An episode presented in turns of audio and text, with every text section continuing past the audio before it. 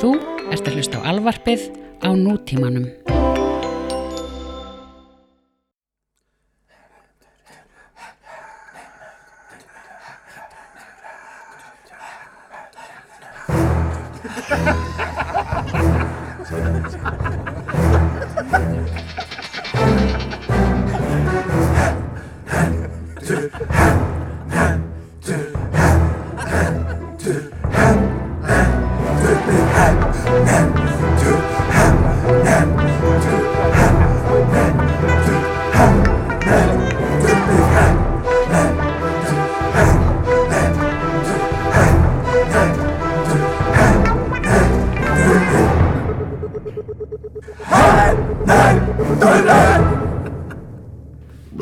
Afsakaðu, ég er bara rópandi hér Já, hvað segir þau?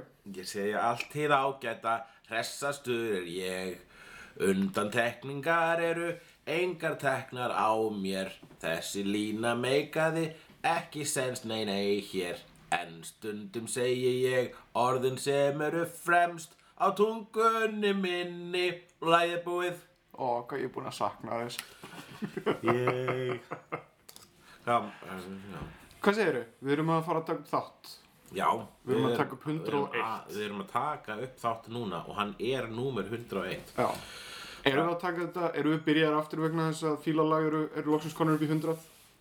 Já, það má vel vera að sá kraftur sem að drifur þig áfram sé, sé öfund og afbríði en, Mm. Já. en mér, hjá mér er það einungis skemmtun og, uh, og bara, uh, já, og hvað mér þykir vænt um að vera næ, nálættir elsku vinur minn grái Sömur leiðis, elsku vinnur Elsku, elsku ævar minn grái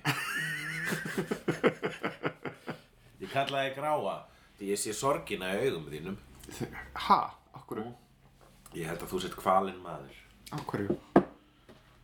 Ég veit það ekki, það er bara stundum þegar maður sér þér labba út og götu þar eins og þú berir sorgir heimsins á herðum þér. Já, nei, nei, nei, ég er bara ógislega þung, svona þungbyríndur Já, ertu með Bara svona svona útlitslega Ég er svona með resting uh, resting uh, uh, rei- depressed face. Já, já Ah, Ætlar að fara að segja resting rape face?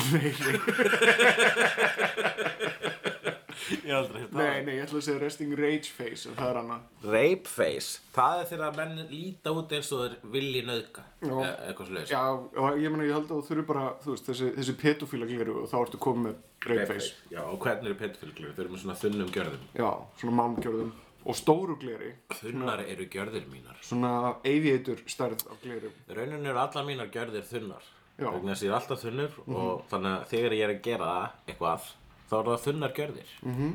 en ég er samt ekki um, rape face En hvernig, hvernig ert að fíla það að vera alltaf þunnur? ekki vel, Er þetta ekki... ég á við vandamál að stríða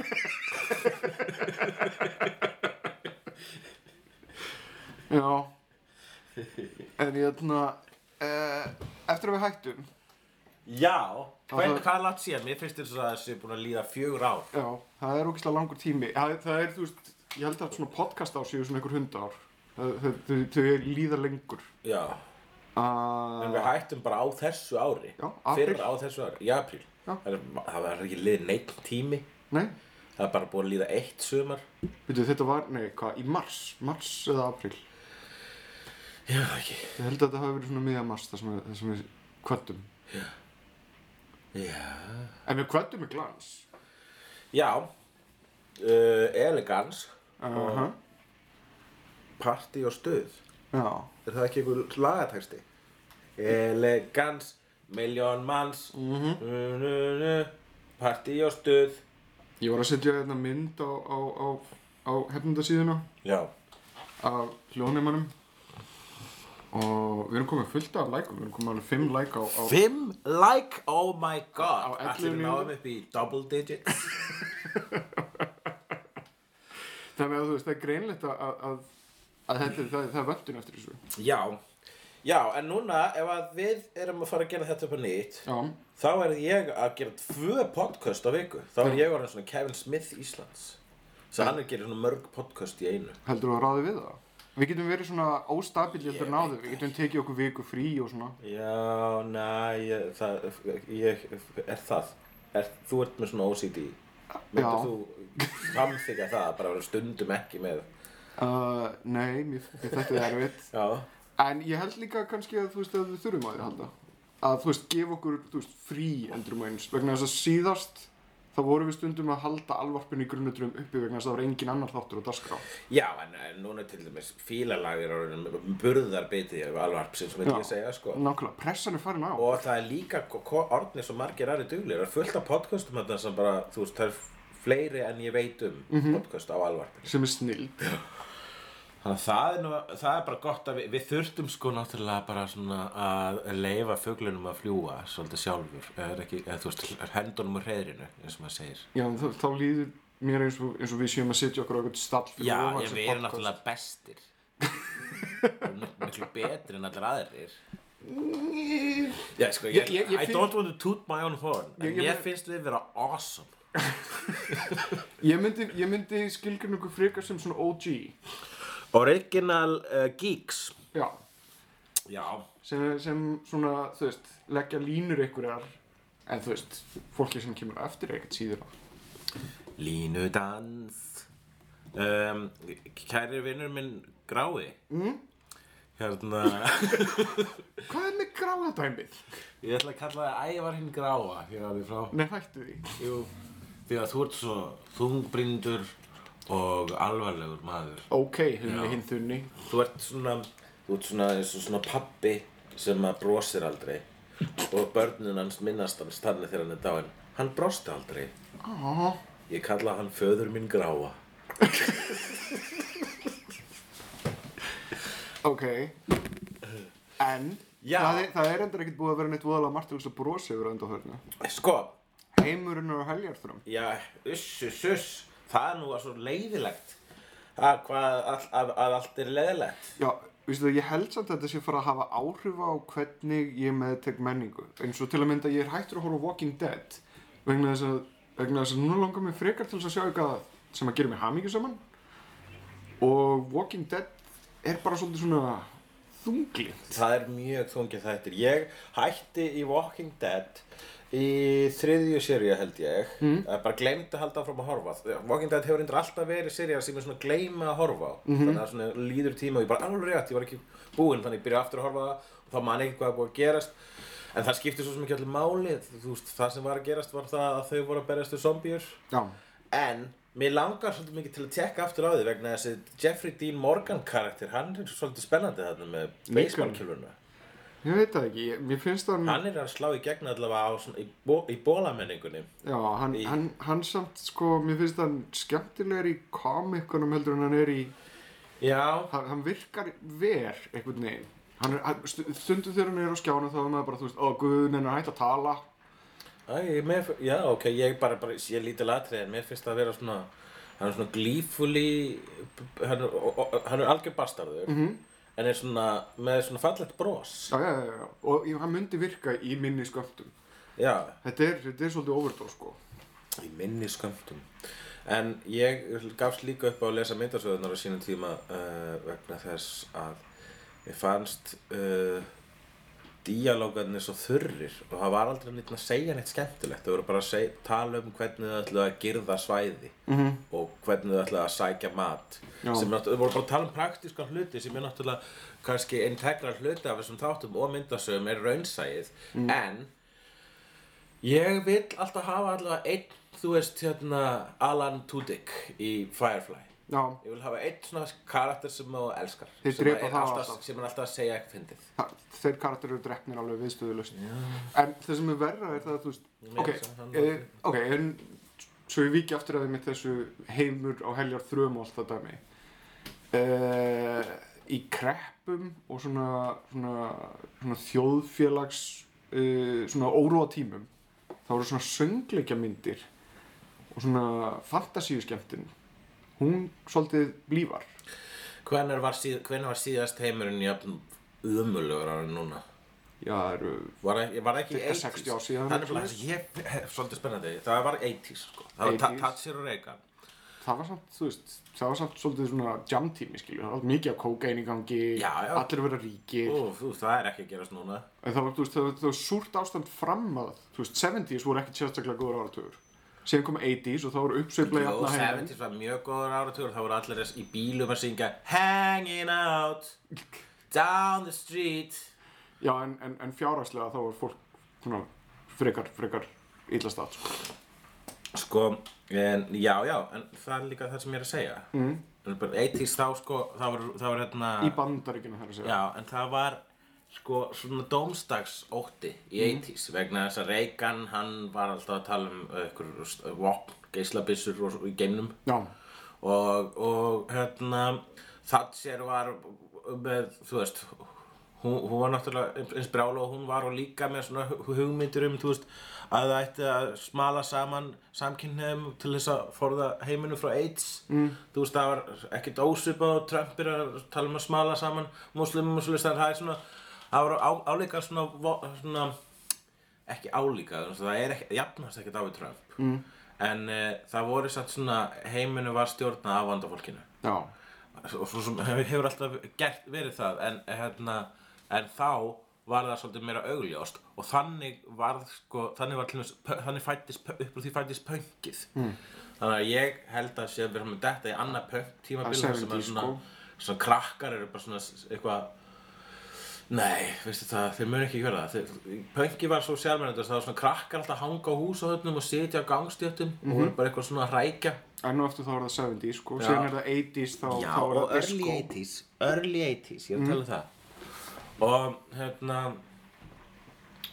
uh, Og upp úr því fættist líka svona hérna, myndasögur eins og uh, S- Sandman og Dark Knight Returns og það var allt svona hérna, þunglindis Já, ég veit það, en ég held, Dómsdags. ég held að það sé vegna þess að það var jamsveifli í heiminum, frekar heldur en þunglindi. Það var virkilega, það var, Já. það var alltaf eitthvað aðskiljur. Þú, þú, ég er ekki, þú veist, þetta En- helst í hendur Já, ég veit það, en það sem ég er að segja það, að, þú veist, þegar það er jamsveifla í heiminum, þegar að það er uppgangur í efnahæginum, þegar að það er, þú veist, meira kókain í gangi, allir eru svona farnir að klæða sig aðeins glískjarnara. mm, Já. Fólk, fólk hefur safe space til þess að s- svona kanna dimmu hlutina.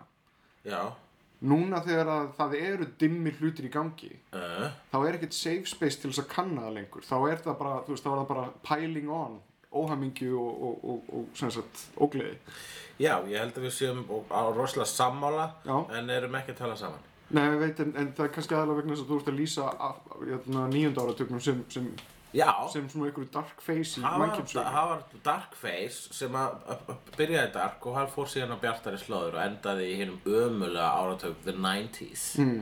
sem kom með þætti eins og Friends og Nino Tuvono Já, Æ, það var, það var klikt um En tímabilið í ég Bandaríkjunum. held samt að vinna að leiðlega er það þegar ég var að, að hann að hugsa um hvað var gaman að fá hann að pöngtímabil að sjá krakka úti vera í, í rifnum buksum og að, að hrópa á gamalt fólk og óyrðum það er ekkert að fara að gerast vegna þess að krakkar í dag, þeir eru bara allir í símanum mm. þeir eru bara alltaf í símanum og tölvunum Já, já, en þeir eru alveg að rópa á gammalt fólk það er bara, þú ert ekki að fylgjast með því vegna þess að það er í 4chan eða einhverju ah, krakkar eru drasl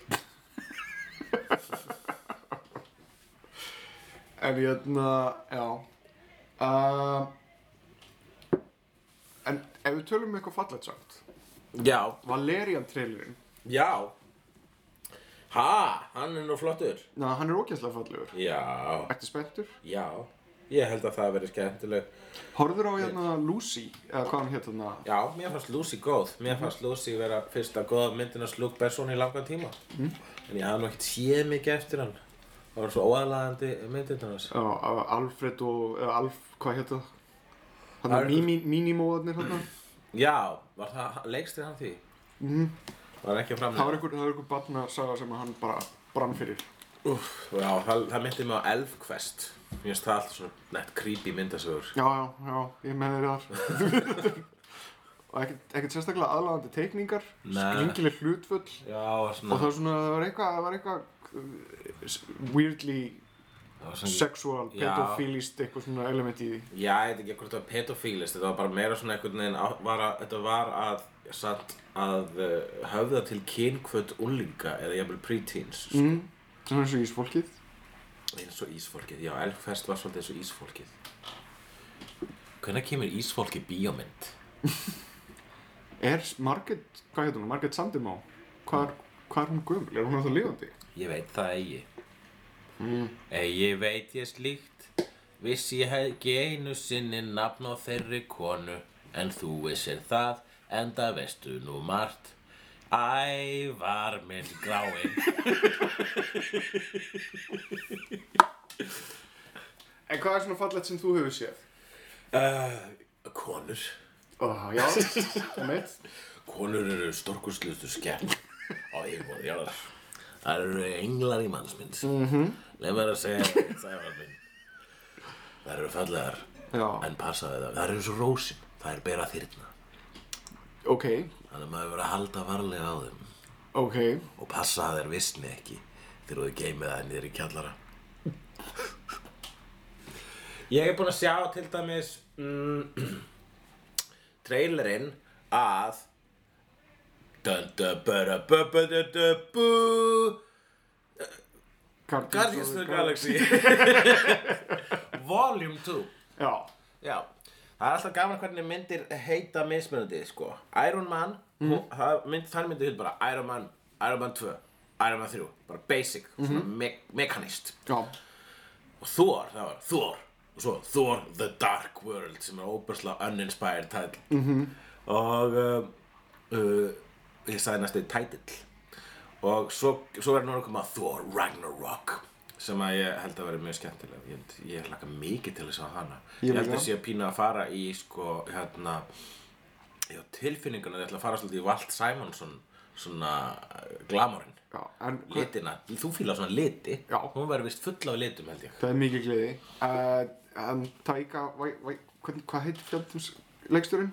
Taika Waititi? Duka baka langana Já, Urgupa ég allan hann, nýsjálfenski snillingurinn hann. Já. eh. Sástu Hunt for the Wilder People? Nei, Hún er frábær. hvaða mynd er það? Þetta er mynd sem að hann sá leiksturi sem er, Tíka baka langa já, gerði, bara í- kom út í ár. Nýsjálfensk og fjallar um svona uh, munuðlega strák sem að fyrir sem sagt fóstur hjá ykkur fjölskyldu. mm.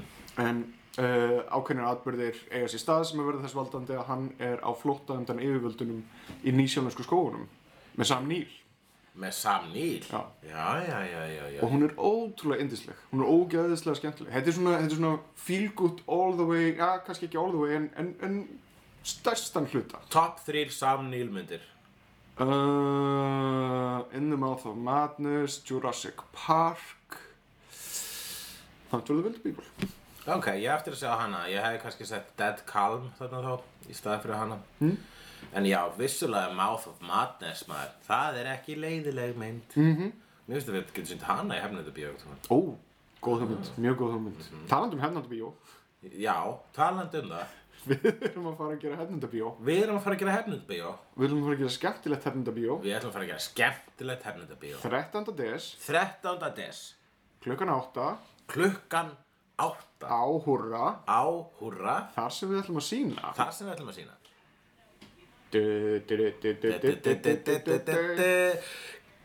Star Wars Christmas Vacation Holiday Special En Star Wars Holiday Special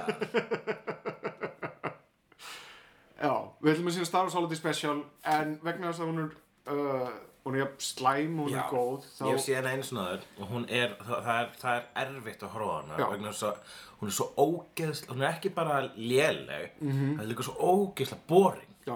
Það eru langir kaplar þarna sem er bara svona, "Fú, af hverju er þetta að gerast? já, ég, ég held að þetta, sko, þetta, þetta verður svona, svona sam, samreynsla ykkur hérna sem að við verðum að setja á svið sko. Já, eða sreynsla. Já, við ætlum að, við ætlum að, sem sagt að tala um myndina, komum með live commentary, Já. ef við ekki að hvetja til framíkalla og, og, og, og svona, svona, Jú, það er hvað til fram í kalla Mhm. og, og kvenna, að sjálfsögðu, og fram í kvenna. Mhm. Og uh, það er líka uh, við, ég og Ævar, sem að, uh, er vinnu minn og gerðan kallar Ævar hinn grái, við ætlum að sitja, fyrir, fra, fra, sitja bara og horfa á myndina fremstir, í fremstu viglínu og, og vera með mikrofóna og bara tala yfir hann alla. Það er það sem við ætlum að gera, þannig að þetta verður svona live commentary. já, Já. erum við með eitthvað, erum erum við með eitthvað íslenskt yfir commentary? Já, uh, það heitir að tala yfir bíómynd Já, ég held að ég hafi, þú veist, fyrir jæna, næturvöktina þá vorum við spjall höfunda. Já, já, spjall höfunda. Þið eru með kommentari á, á næturvægt að diskonum. Nei, uh, við erum með á dagvaktinni. Nei, fyrir ekki. Uh, ég held fangavaktinni. Gæti verið fangavaktinni. Ég man ekki hvað vakt það var. Já, ok. Það er allavega á- ekki, á- á- það er ekki næturvaktin held Já, ég. ok, ég meinti á, á, á, á það er sett á einhverju vöktun. Einhverju vöktunum, þá vorum við með smá spjall. Og, Já, já. Er það er eina skipt sem það hefur verið gert? Já, og ég held að við bara hafi verið eitt þáttu eða eitthvað Mm. Það var voðalega lítið. Mm. Og við vorum ekki saman svona, þú veist, þetta var bara einhvern veginn Já. skiptust Jú, á, eins og- sem ég veist ekki að cool. Mér finnst ekki jafn cool, ég man ég var að horfa á uh, kommentari á Seven, þá voru sko Brad Pitt og David Fincher saman, mm. en svo greinlegt að, að uh, Edward Norton var í öðru herbergi og, nei, fyrir ekki, nei, Seven. Seven. Ég, í Fight Morgan Club, Freeman, í Fight Club þá, var, þá var Edward Norton í öðru herbergi, já, þannig að, nei, nei, mér er að mismina. Halda áfram, ég ætla, ég ætla bara að leifa þér að segja já, frá því sem allavega að- þessi saga hefur frábæran endi, hún er svona hennan. og Morgan Freeman var tekin upp í sitt hverju lagi. Durum, bum, burum, bum. En var það ekki fyndið? Já, það var eitthvað alltaf þegar Morgan Freeman kom, þá var hann svo ógslag contemplative og saði eitthvað svona, hérna, saði eitthvað svona, eitthvað svona pælingu um leiklist og svona, uh, og, og, og skilabóð myndarinnar. Og svo voru, hérna, hins vegar þá voru sko Brad Pitt og David Fincher, þeir voru bara lofsingja Morgan Freeman, bara svona, eins og það er eitt atriði þarna þar sem þeir sofa á ganginum og býða til niðurstöðu, eitthvað fingrafara niðurstöðu og svo vaknar og hann, Morgan Freeman leikur svo vel að vakna og þeir báðir báðir, báðir Brad Pitt og David Fincher svona, ah, beautiful so beautiful Ah, já. uh, við tókum samt upp ég og Otto saman kommentari, nei, og, og ég og Otto og Gunni fyrir Astropíu. Þá voru við þrý saman í herbergi að horfa Já, á og- og hann huldar í hljómanni. og það var síðan ekki á disknum Það var á disknum, jú. það er á disknum Það er á disknum. já, til að horfa á það Það var mjög skemmtilegt. já, já, já, já, já, já. Mikið hlegið. já. herru, af hverju gerur ekki Astropíu hérna, sjóastætti bara rebootar þessum sjóastætti Um, það hefur verið hugmynd reyndar. Okkur hefur líka langað til þess að gera söngleik. já, Það er samt sko, þú veist, já, þetta er heilt nördakultúr. söngleikapælinguna Nördakultúr hefur samt breyst svolítið sko. Já, það er ekki lengur jafn nördalegt að vera nörd. Nei. Nei, ég veit það. Ég var einmitt að adressa þetta í hérna, loga í beinni þegar hann var axli í beinni þetta skiptið, það var hérna ammælistátturinn hans -hmm. þar sem ég fekk að koma róstan sem er mjög stressandi vegna þess að þú ert að segja frumflytja efni sem þú varst að semja fyrir 5 mínútum í beinni útsendingu. Það er triple whammy. En ég gerði það bara vel og við öll sem vorum í því. Þú hatt nú samt ykkur að, ykkur að lofa Bergman brandar á lagar, er það ekki? Jú, ég, það, já, ég var, ég var alltaf með þess ekki brandara mynd, en ég var alltaf svona, hérna, þú Í, veist, í tveggja manna tali. já, eða svona, ég bara, já, ég, þú veist, þegar maður er á Rósta Lóa Bergmann, það er ekkert erfitt að finna eitthvað, sko, þú veist, ég elska mannin, ha, þú veist, maður líkar við fólk út af, út af kostum þess, en maður elskar það út af göllum þess. En hann er með risastóran haus. Já, það er einmitt eitt af það sem ég saði, hérna, í, í, og ég starf, hérna, það er brandara sem að saga, leið mér að stela frá ykkur. Frá okkur. Já, þú og Saga sömduð Loga Bergmanbrandara fyrir uh, Kenneth Já. og hafa vist köttað út Já. það var aldrei í loka niður, verkinu Ok. og ég var eitthvað að tala við að sögur bara svona, ertu með eitthvað sem ég get, ég get sagt um Loga Bergman og hún bara, það er eitthvað reitt sem að, þú veist, ég, ég, við komum hann þegar við vorum sem að Kenneth, Já, þannig ok. að hún leiði mig bara að taka hann og ég nota hann Ok. sem var um stóra hausinas en, Vegna þess að það sem fyndið vanalega, þú veist, með fólk sem er í sjónvarpi, mm. hann er með stóran haus Mm. eh, og, og, og svona er lágvaksið, eins og Tom Cruise, hann er með stóran haus og, og lágvaksið. já, það er svona það, fólk verður frekar frækt eða með stóra haus Mhm. Nefnum hvað hann er hávaksinn, sem þýðir það að hlutvarslega þá er stóru hausuna stærri heldur en aðrir hausar. Sem er henni risastór. ég ætla að spá, ég hef aldrei almennilega spáði þessu sko, Mhm. en ég skal hérna Þannig að hann er Ég skal alltaf, reyna að taka eftir þessu hann er í góðum kameru hlutvöldum alltaf. Já, en svo að ég, þarna, það sem ég var að fara að segja er það sko að hann, hérna, logi er svolítið duglegur að benda mér á það að ég sé nörd Mm. Já. og síðast þegar hann gerði það, það var í, hérna, grínista Hann var sko. einhverju alltaf fimmtugur, söfn- Já, já, þá var ég alveg bara svona, já, ég veit, ég er nörd og það er ekkert merkilegt Það er, ég, ég myndi fa- taka þér fagnandi þegar þú uh, uh, gerir grínaði hvað er mikill nörd en það er ekkert fyndið að vera nörd lengur Mhm. því miður, það er ekkert astnalegt það er bara svona venjulegt það eru mainstream við erum mainstream ævar Já. við erum mainstream en uh, já já. en já En já, en Ég síðan ætla bara að taka fram að ef Lógi Bergman er að hlusta á þetta, um, ég elska hann sko, ég er ekkert eitthvað hat- ég er ekkert eitthvað að hata á hann ég er ekkert að grafa mér neina gröf akkur út núna með því að halda áfram að tala um það Nei, alls ekki We don't think the lady does protest too much Hver sagði þetta? Uh, Hmm. Hver sagði þetta? Já, Geirþrúður uh, Já, nei uh, Jæna Nei sko, þarna er Aston P. DFT Já, Pressandi Varst, Akkur er hann hann uppi? Varstu að horfa á hann eða? Eða varstu bara að ra- ráða í? Við sitjum semst heima hjá hann hulla og ég er með já, hann DFT. ævar er að undra sjá því af hverju uh, Astropíu diskurinn uh, er ekki inn á milli annara diska Hann heldur er ekki í liggur- röðinni. hann liggur ekki í röðinni hann heldur liggur óna á hinum diskunum sem hann þykir afar óvenjulegt og skrítið Nei, þetta er svona áhorfenda, þú veist, þá ertu annarkvort nýbúin að horfa á eða ætlar að horfa á já, þú ert mjög forveitin að vita hvort ég sé nýbúin að horfa á hana eða ætla að horfa á Ég pínu forvitin, já. hana já ég hef tekið hana út og, og verið með hann svona hmm, á hva- á- á- á- á að horfa á þessa og allir sagði nei og þá setti ég hann aftur upp Ó, Nei, djók Það var ekki þannig, ég ætlaði ekki að vera svona leiðilega við þig ég- já, þetta er, Þegar ég var róstaður já, þá hérna sko voru allir eftir róstið að dissa mig er það? Já, það voru allir bara svona að sko hvert einast tækifæri þá ga- sem fólk bara svona sem að hafði ekki verið rósta bara áhörundur Þið voru bara svona að segja koma að svona skotum á mig vegna þess að það var bara það var bara svona Ég er búin orðið að halda þessu unni í gæðlanga tíma, núna er færið. Nei, það er bara meira sko, ég var búin að horfa á sko, ég hef mig verið að dissa hann svo lengi og fólk búin að segja ljóta hluti við mér svo lengi að það var bara svona í mindsetið núna. Kanski er þetta eins og þetta hana Marina Abramovic, hana, gjörningurinn sem hún gerði, þar sem hún stóð kjur í einhverja þrjá-fjóra tíma og setti einhverju 30-40 hluti á borðið fyrir fram að sig. Rós, hníf, uh, svipu, eina byssu með einni kúli Mm. og sem sagt gaf fólki leifi til þess að gera hvað sem er við sig.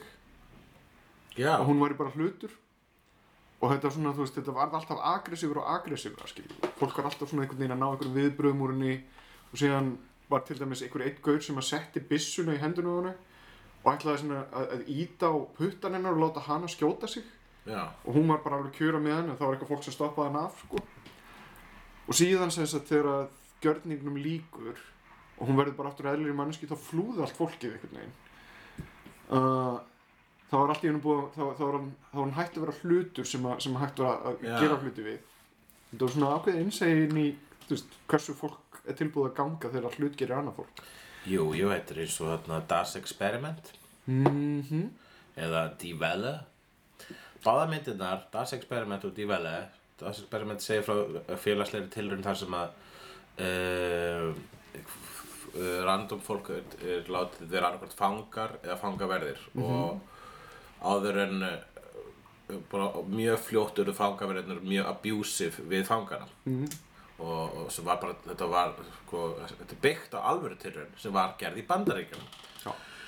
Og Dæti Velle er segið frá félagsleiri tilhjörnum sem kennari gerir við heilan bekk þar sem hann svona, ok, nú skulum við ímynda okkur að við séum fasískur stjórnmálaflokkur og hann bara skapar bara lítið svona nasistaflokk í bekknum að hann bara, og eftir viku eru þeir bara orðnir, krakkarnir bara orðnir bara gen, alveg bara svona eh, þeir elska þessa hugmynd bara, og eru bara orðnir nasistar það er líka byggt á félagsleiri til- alvöru tilraun sem var gerð í bandaríkunum þannig að það er svolítið aðteglisvært að hugsa til þess að þessar tvær þýsku myndir sem að uh, seg, eru byggðar á alvöru tilraunum sem að uh, afhjúpuðu uh, hið skýtla eð, eðli mannverunar eru byggðar samt á bandarískum sannleika mm.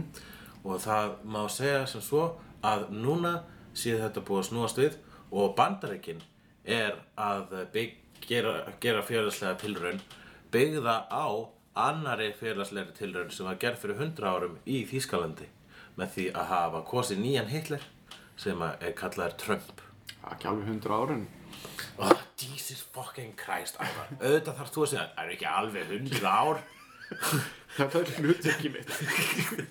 Já, ég veit það er ekki alveg 100 ár en það er kringlótt tala og virkaði betur í þessu, þessu vægarandi mínu Já, en förum aftur í þetta róst. Þetta er, þetta er svolítið, þetta er, þetta er, hefur ykkur annar verið róstaður á Íslandi sem þú mannst eftir? Eða er eitthvað Mm, Sko, það svipað hefur, þessu það verið hafa gert? verið gerð roast en aldrei svona ofinbæri beint Þú- það var roast, að Jonathan Duffy var með roast þegar hann var 30 núna síðast desember Já, ok, ok. fyrir árið síðan og uh, þannig að þú veist það held ég gaf mér hugmyndana þegar ég átti aðmalið að vera sjálfur með roast Mm. Þetta, var, þetta róst varð á köflum svolítið dark. Á mikið ógætla skemmtilegu. En síðan kom alveg dark hlutir. það kom mjög dark hlutir Viltu eitthvað tala um það? Eða, eða ertu búinn að tala um það í Australia podcastinu þínu? ég vil ekki tala um það En já, Doctor Strange, það er hlutu samt sem við getum báðið glast yfir. já, Ertu búinn að sjá hana tvisar? nei, ég, var með- ég, er hún komin í lítinn sal eða eitthvað Hún er Ég- komin í lítinn sal. Ég, Já. og ég nefnilega, ég er svolítið fúll yfir því að hafa mistað henni í 3D. já, ég náði henni í 3D maður, djöðl var hann næs er hún ekki lengur í 3D þá kannski slepp ég að sjá hann aftur síðan er bara DFT Þetta eru gæðveiki visuálar. þetta er be- bestu aksjónatriði sem ég hef séð sem ég man eftir að sé bara ég man ekki hvernig ég sé, sé svona flott aksjónatriði Matrix. já, ég myndi að segja það ég myndi segja þetta sé bara svona mesta mindblowing aksjón síðan Matrix já, Inception. já ég myndi alltaf segja samt, jú, það var reynda flott aksjón í því uh, þetta var, málega það að þessi mynd var svolítið Inception nema Inception sinnum 100 mm. Inception var það eiginlega bara svolítið svona tame mynd með þessa Inception í speiklasar. Já uh, Og Elsa er lesbía Ha? Elsa er lesbía Elsa hver? Í Fro- Elsa í Frozen Er, er hún lesbía? Já, hún er vist lesbía í Frozen 2 Ó, Það er það sem ég heyrði ok. Sem er skott En ég veit samt ekki alveg með Frozen 2 Já, þú, þú, þú þarft hann ekki. Nei, ég- þú- maður á bara ekki að gera framhöld að, að söngleikjum Já.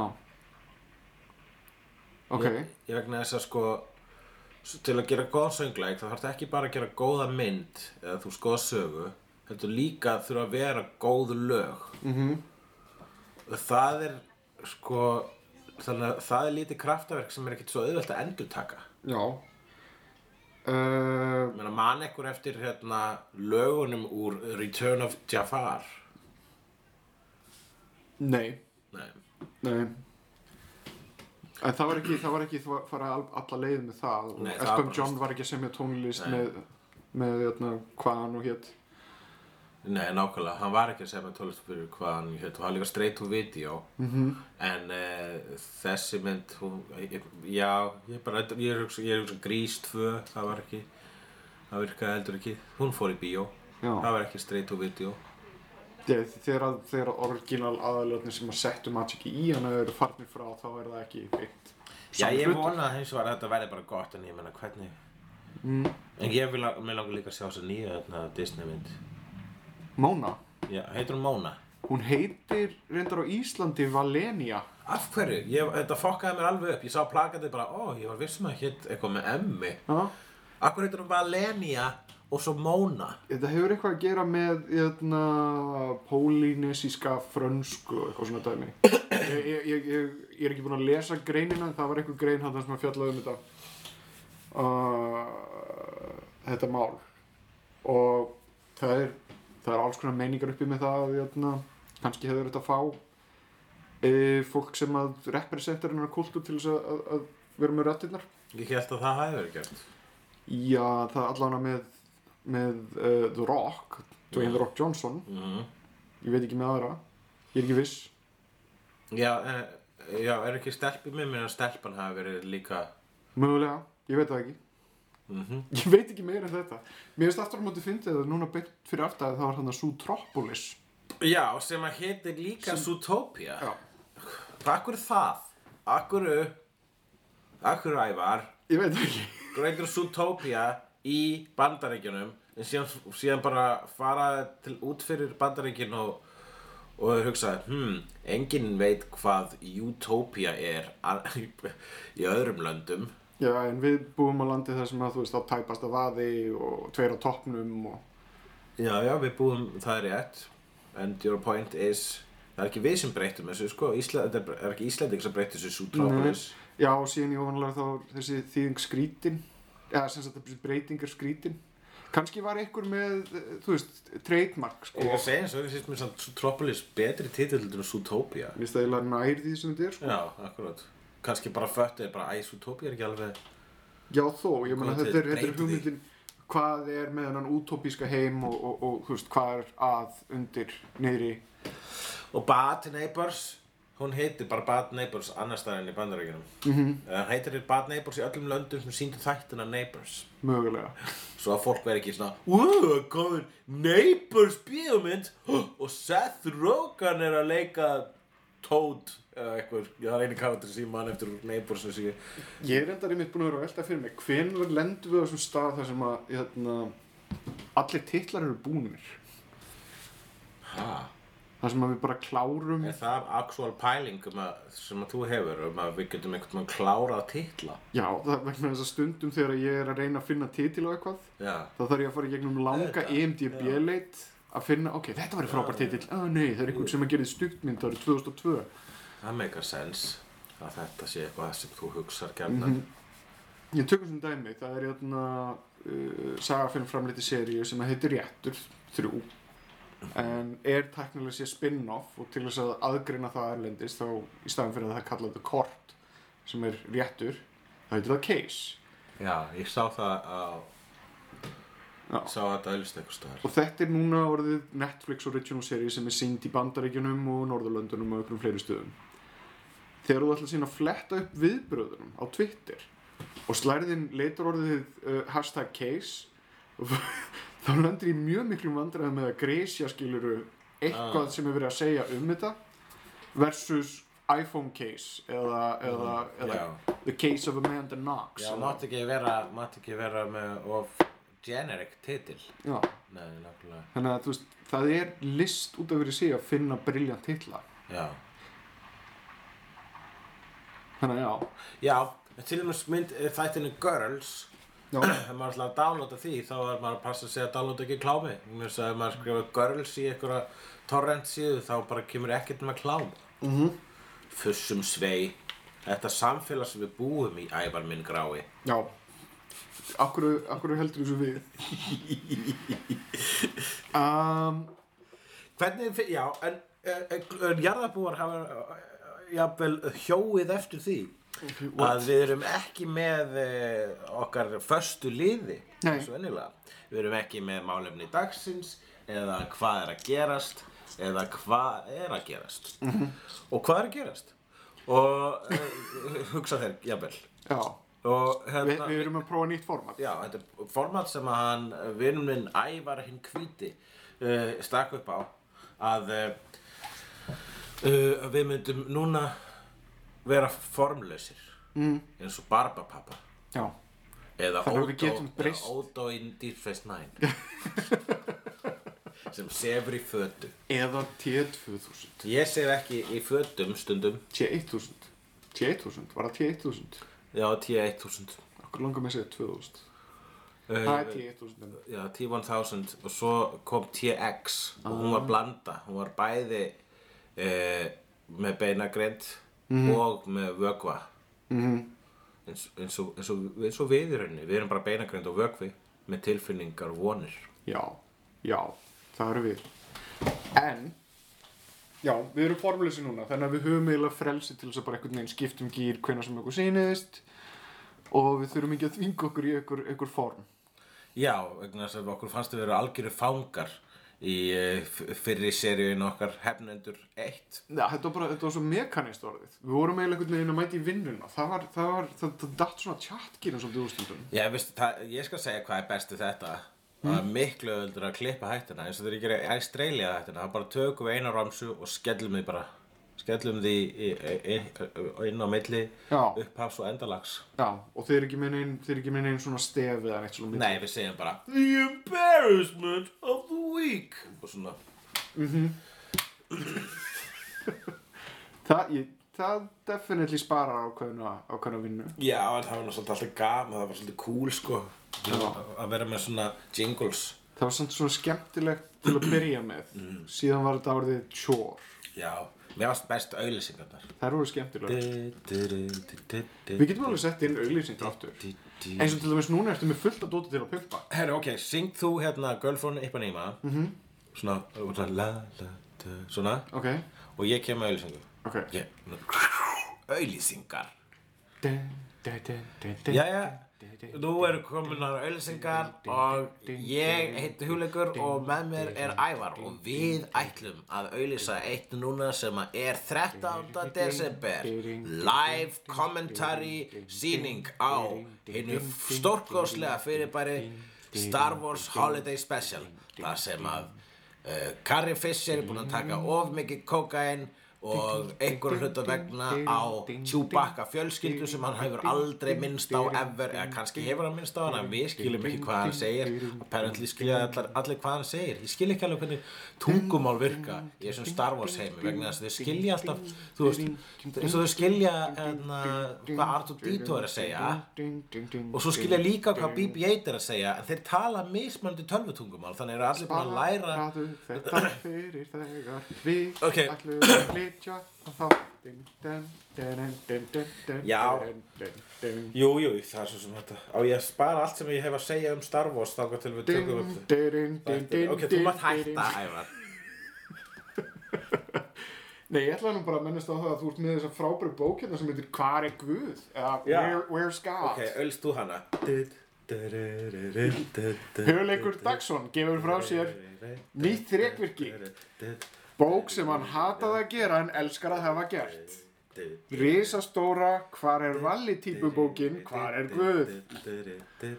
Það sem að það eru geðveikt fallega Ég er að fletta í henni núna þegar svona hætti ég einhvern veginn að tala vegna þess að hún er dáleðandi falleg Já, ok, hættu nú Það er að, ég, ég á erfitt með svona Þegar fólk er að lofsingja mig og svona Ég á svo erfitt með það Ég er bara venjulegur maður Ævar, ég er bara venjulegur maður Ég veit það, ég veit það Þú ert samt, þú lifir ekki venjulegu lífi Nei, Það ég er kannski veit. það sem að svona aðgreinir þig frá frá restinni En hvað er venjulegt líf? Getur þú sagt með það? Um, What is normal? Ég veit það ekki Mér finnst ég ekki lifa neitt sérstaklega venjulegu Er lífi venjulegt líf að vera í 9-5 vinnu á virkum dögum og að kaupa í matinn og svona Það er venjulegt líf Já, já En ég menna þú veist það er, já, mismunandi og fólki er margt Já, þannig að ég er, það er ekkert óvenjulegt líf mitt Nei, í, í grunninn nei. Og þó, ég meina, þú ert bóheimlistamæður sem að, sem að stundar alls konar gjálífi og, og, og, Hættu nú og, og prófar ymsa hluti á, á, á jöðrum samfélagsins sem, að, sem að aðrir myndu kannski hika við Já. eða óttast Mhm. en þú, þú, þú, þú umvefur kaosið vegna þess að það líður vel. Já, óreiðan er fegurð Mm. Regla er ljót Óræðan er fegurð.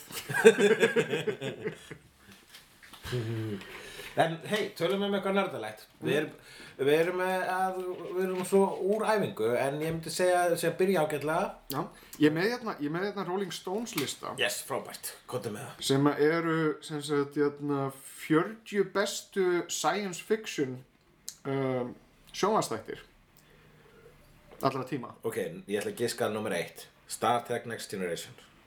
uh, þetta er hefði lang ég er þar að fletta þarna Já, ok. um, got it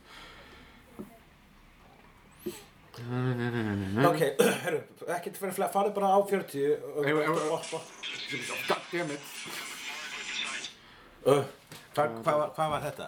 það var Auðlýsing. eitthvað Ég lendi einu snýð því að vera á kaffehúsi og það kviknaði á kláminu hjá görnum við hlénamur og það var mjög hátt stilt og hann tók tölvun og hljópin á barbyggi vegna þess að hann lokaði henni en einhver hlut vegna var hljóðið samt ennþá hann Ó. hljópurt, hljópurt með svona tölvuna og stunurna svona með honum eitthvað svona aah, aah og þetta var svona hátt klám svona þú veist það sem að það sem að klámmyndaleikararnir eru að svona að ofleika þú veist já þeir ha ofleika með því að öskra óslega mikið finnst ok hvað? ég finnst það áhugaverð aðtöðsend áhuga að vera aðtöðasemt Já, kynlíf er ekki alltaf þannig að allir segja bara eitthvað svona "Ah, ah, yeah babe, upp í uh, það er ekki alltaf þannig Nei, nei. stundum er það svona hérna krakkarna getur vaknað ég myndi það er þannig ég myndi það er þannig klá ég myndi að það- það ætti þú veist það ætti að vera þannig klá Ó. Þið- sem er svona foreldrar að sofa saman svona hljóðlátt Ó, ó, vá, já, já. já Herðu, hvenær fer Hulli í loftið? Hulli 2. Öy. Heitir hann Hulli 2 eða bara Hulli áfram? hann heitir Hulli áfram áfram Hulli hann heitir Hulli og uh, hann fer í loftið a- um áramótin skilst mér Ok. og mér skilst ég heiti, ég heiti uh, dagskránstjóra í afmæli Lóa Bergmanns í gerkvöldi uh, mættust þarna á tröppurum á meðan uh, Villi naglbítur og Simmi í Simmi Jóastóðarnar rétt hjá, hjá áttu svona samræðir Blö, blö, blö, blö. Eh, og þá, og meðan ég kinkaði kollið til Þorgera Katrínar þá átti ég uh, sa, samtal við uh, skarpiðin mm. og um, hann tjáði mér að það væru pælingar ég vona ég megi segja þetta mm. um að skella hulla litla fyrir seríunni bara í eitt stort binge form á netið Ó, það verður mjög skemmtilegt. Ég þarf nefnilega að kíkja þá sér ég aftur. Hún kom aldrei út á DFD. Eða, eða einhverju svona... ég mátti örgulega ekki segja þetta ef að einhver hérna er þekkir skarpiðin ekki segja hann um að ég hef sagt þetta hérna Þetta er ekkert loforðið að neitt. Þetta er bara, þú veist, fólk að tala saman. Þetta er bara pæling, já, Það er í lagi. já, Slaka það á. já akkurat. Herðu, 40 bestu sci-fi seríurnar samkvæmt Rolling Stone og uh, ég ætla bara að byrja númer 40, það er seríu sem ég hef aldrei séð sem heitir Humans Já, hvað frá hvaða tíma er hún? 2015. Já, ég veit ekki hvað humans er. Ég er nefnilega að veltaði fyrir mér uh, hvort að þetta sé, eðna, er þetta nokkuð þarna endurgerðin á ekta menneska? Já, Ég- ég veit það ekki samt. Þú ert með tölvu, þú getur flætt þessu upp, en... Það eru norsku þættir um velmennin. Já. Mhm. Já, á, ég er svolítið fullar að mista því maður. Mm -hmm. Það er cool. Mjög cool pæling. Um, Aeon Flux, Eon Flocks, já, ég er með það hér á D.O.D.M. síðan er Red Dwarf sem að mér varst aldrei að fyndið og fólki fannst sem að Nei, það er breskir grín, eh, sci-fi þættir. Ég held að þú þurfur að vera, þú veist, á ákveðnum aldri og, og svona til þess að fíla þetta vegna þess að þeir, Þeir eru vist að vera rýbútt á því. þeir eru búinir að rýbúta, eða ekki rýbúta, þeir, þeir, þeir gerðu eitthvað þátt bara núna nýverið. Já, bara... Það eru fyrir þremur árum eða eitthvað leist þá, þar sem að gömlu kallarnir komið aftur saman. Oh, það er svona reunion Já, það er slæm hugmynd alltaf. Já, Síðan er Thunderbirds, 37. já, Thunderbirds are go Mhm. Du-du-du-du-du-du-du-du-du-du-du. Hérna kemur serið sem ég hef aldrei séð, The Hundred. Já, það er um þegar að hundra fólk hverfur mm og kemur síðan aftur Já. Já, Uh, Now and Again, 1999 til 2000. hljómar þessu eitthvað tímaferðalags Mm, Já, ég veit, ég veit ekki hvað, þetta er eitthvað Þetta er eitthvað frá Moonlighting Creator Bla bla bla Max Headroom Hvað var það? Ég veit það ekki Vegna þess Ég- að ég, er með- ég er með visuálin á hreinu Já, En mér fannst þetta bara alltaf vera einhvern veginn svona MTV innskot þetta á var milli bara eitthvað svona, tónlistarmyndbanda. Þetta er eitthvað svona, hann er bara orðin eitthvað, eitt af íkonum nýjönda áratugsins en er, sa- engin veit náttúrulega hvað hann er en það voru þættir, ég mani bara sko að Hjörtu frændi minn átti ammali og, við, og þá eins og ég ammalum þá var le, leið spóla mm. og spólan sem var leið var Max Headroom sem var bara spóla með tveimur Max Headroom þáttum Já, við horfum að það og eina sem ég man var það að það var eitthvað fólk að lenda í einhvers konar æventurum, þú veist, bara eitthvað svona urban æventurum, þyrlur og byssur -hmm. og inn á milli var við voruð að tala við Max Headroom sem að var bara eitthvað svona tölvukall á skjá já og ég held að enginn í því ammali hafi skilið hvað þau voru að horfa á Ég held nefnilega að það hafa verið ákveðið ströggl með vegna þess að Max Headroom er fyndin típa Já, Svona kommentator og hann getur sagt alls konar vegna þess að hann er gerfi Já en hann er svo sleikinn af gaur Já, já, með svona make-up og eitthvað Þessi gaur sem að leikur, hann leik í Watchmen og, mm. og hann hefur leikið í örg, mörgu, hann leikur gaur með eh, krabba með, hann leikur oft gaur með fólk með krabba með AIDS, vegna svo lítur út eins og sem er krabba með AIDS. mm, Já En síðan aftur Hann á leik í móti- Generation X myndinni sem er actually fyrsta leikna X-Men bíómyndin. Vissir þú það? Er það? Það er til mynd sem heitir Generation X byggða á hérna, X-Men spin-off blöðunum eh, sem hétu Generation X voru svona úlinga X-Men þú veist, Ok. vegna þess að allir X-Men eru orðin fullotnir þá voru með svona nýjan bekk, svo úlinga X-Men og ég elskaði þau blöð, þau voru æðislega sérstaklega þau voru myndskreitt af Chris Bacallo en hérna og þau gerðu bíómynd eftir því, svona sjóasmynd -hmm. og ég sá svona og þar lék Max Hedrum Vondakallin Já. og ég sá kannski fimm mínútur af þessu og ég bara gæti ekki horta þetta þetta var hræðilegt drasl Já. mjög Hvað er það, slæmur 90s? tæknibrellur. Eða hvað, hvernig? já, ég held að það sé 90s Já, þeir gátt aldrei gert neitt. Cool. já, Og þorði ekki að gera það. já, já þeir eru alltaf að lögði í þá mynd Ég er endur ógæslega spenntu fyrir hann að, hvað heitir hún, Legion. Ég held að það verði ekki aðeitt. já, En, er það 33, hluti af official X uh, he heiminum ég held það já. Em- em- Ég held X, að það sé, ég held að það sé, hérna, bíómyndaheiminum það er allavega, það er einhver staðar í X-inu sko. já, það sá heiminu hvort þeir eru alveg fátt Já. Talandu um það, þeir eru vist að fara að rýbúta mögulega. já, það komið tími til Heldur betur. Mér finnst ógeðslega leðilegt samt að, að Brian Singer gæti ekki setið á sér með það að fólda sínu X-Men inn í nýja rýbútið. Já, ég er bara, ég er bara uh, á því að Brian Singer hefði ekki átt að koma aftur. Já, samanlega. Og hérna, og ég meina, þú veist, við höfum átt, uh, það hafa mörg uh, Days of Future Past rönt verið hér í þessum þáttum og ég ætla ekki að endurtaka mig. Við höfum samt alltaf Quicksilver sinna. Við höfum alltaf kviksilfi sinna og og, þú veist, þessi mynd er ógeðslega skemmtileg. Hún er bara clusterfuck og ég hef sagt það á þér og ég ætla ekki að fnáka það. En þú faðum að chaosi. Óreiðan. Óli, ekki spá í því En það sem ég er að segja er Basically að uh, hann, Matthew Vaughn ítti ykkur af stað og sem að meika svo mikið sens en Brian Singer leta allt ekki meika sens Já. og bara ég og gaurinn sem leikur Apocalypse hvað heitir hann hana? Cameron Poe Nei, Já, það Cameron er Poe, þeir Ka- sáleikari Óskar Isaacs eða já, en Kamilur. Cameron Poe er karakter úr, úr uh, Thors Huggins. Nei, það er karakter úr Con Air Já, rétt. Ok, þannig að það er Hann heitir Poe Dameron Poe Dameron. Poe Dameron okay.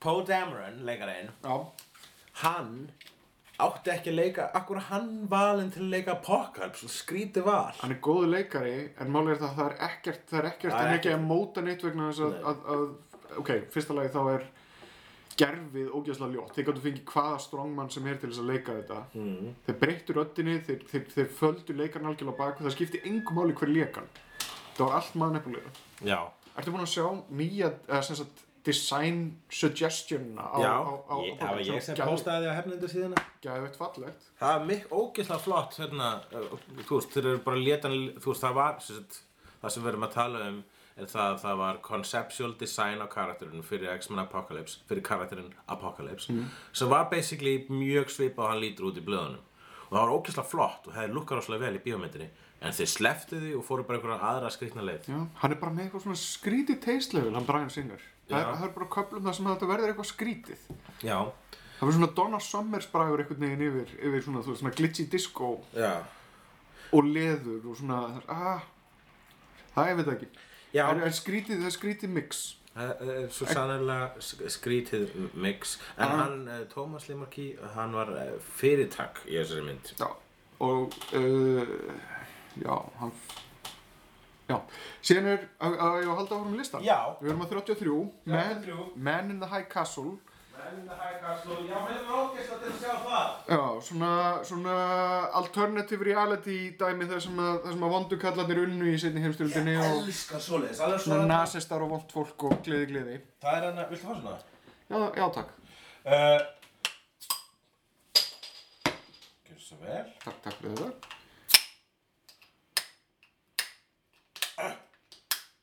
Ég var ógslag kúl þegar ég opnaði þínu flösku og ég er algjör húður núna. Svona. Skál fyrir hefnundum og endurkomu þeirra. The Resurrection hefndur koman The Hemsurrection skál fyrir því Já, mennina High Castle, það er eitthvað sem er á watchlistanum mínum Já.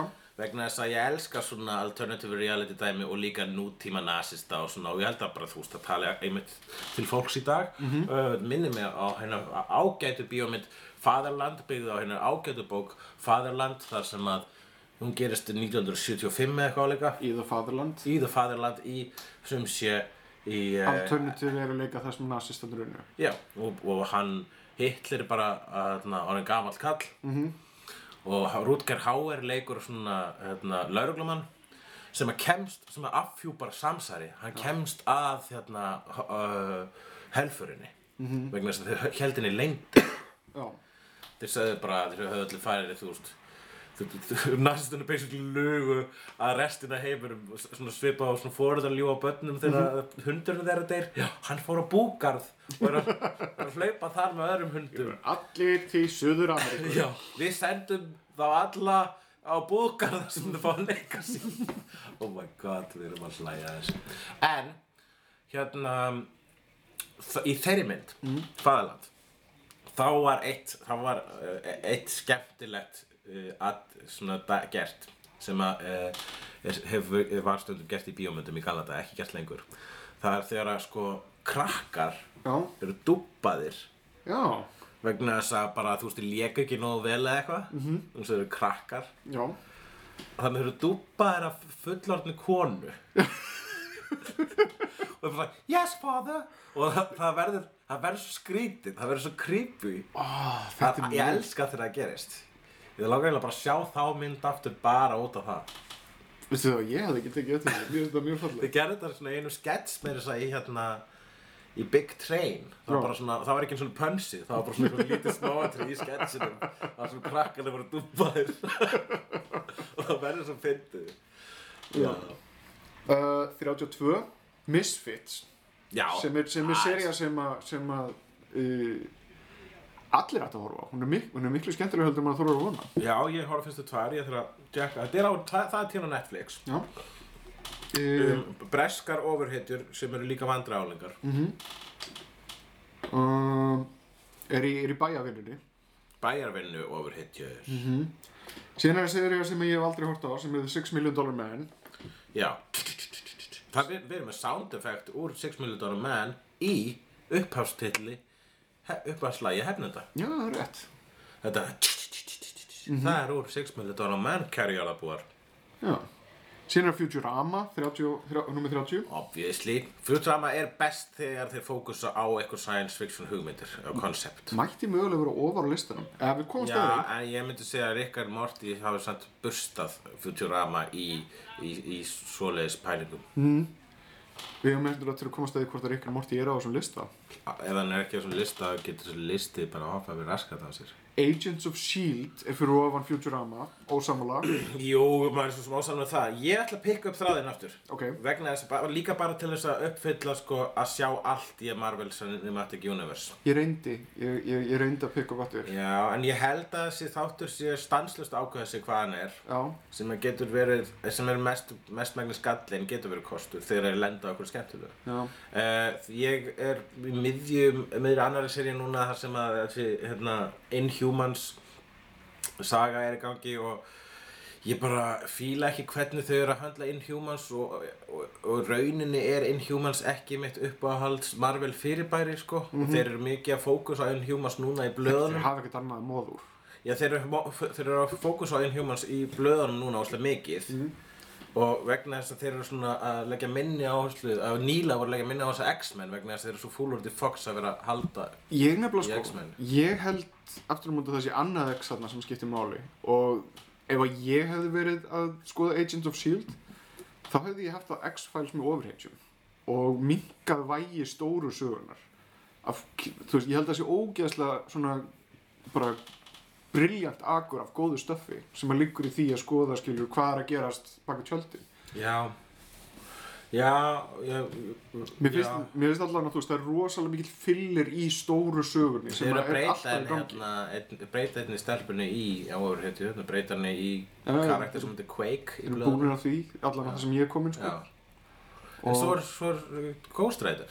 Já, já Ég horfði á fyrsta þáttinn í nýju seríunni og jötna, þar sem að Ghost Rider byrtist Já. og að ég er, ég er tradisjónlisti ég veit það að það eru margir það eru margir sem eru ósámála mér mörgum finnst nýjir Ghost Rider úsla flottur og svona en mér langar bara að sjá bóturhjóli og, og, og, og Að svona þú fær þinn móturhjóla Ghost Rider einhvern tíman. hann kemur já, Ah. Mm. Já, yeah. þarfst ekki að ágjöra því. En þetta er bara vegna þess að Nicolas Cage myndunar, það er bara rústuðu þeirri ímynd. Mm. Svo illa að þeir urðu einhvern veginn að taka annað take og taka annan Ghost Rider. True. Þetta er ekki einu sinni, þetta er ekki einu sinni Johnny Blaze, sko. já þetta er bara the spirit of vengeance Já, en hva- en þetta er eitthvað karakter sem hefur samt verið Ghost Rider í blöðunum. já, já, já, já, þeir eru alveg með, þeir eru alveg með það sko Já, já, það ég er alltaf bara, læg. mér finnst bara bíll ekki jafn flottur og móturhjól Nei, en ég, um, ég, það syns, litla sem ég sé það finnst mér cool. já, ég, ok, ég skal, ég skal gefa þeim það Ghost Rider looki sjálft er gott Það litla sem ég hef séð finnst mér cool. ef við farið nummer 28 Já, það. Hitchhiker's Guide to the Galaxy 1981 seríu Það voru skemmtilega þetta. Þeir voru líka svo super krabbi. Mm. Það, ég elska shoestring budget BBC gam, gamalt sci-fi. þessi dauði haus af Safford Beeblebrox já svona með dauð augu Já, og animation og gameskipunum bara svona, ég held þið bara kliftu út ljósmynd og eru að færa hana stop motion yfir annari ljósmynd af geimnum. uh, mér finnst samt, ég, held- ég held að það lifi meira á sko bæði útverfstáttunum og bókunum af þessum þreymur þá er sjónvastættinni sístir Af, hvað? Hitchhiker's Guide Já, það já, hefur já. byrjað ótal Þannig að byrtingamyndir myndin er næst best. Nei, það er rétt. Myndin er... Fyrstu, fyrstu myndin hræðileg. Myndin er ekki það hræðileg samt. Myndin er svolítið flott, sko. Já. Ég fannst að vera með smá missteps hér og þar en ógisla flott. Mér finnst til dæmis Marvin ógeðslega flott Maður Sko- design. er æðislegur og að Og láta Alan Rickman. Alan Rickman tala fyrir hann var, uh, var þjóðuráð lukkuláka. Mhm. Um, Stargate, SG1.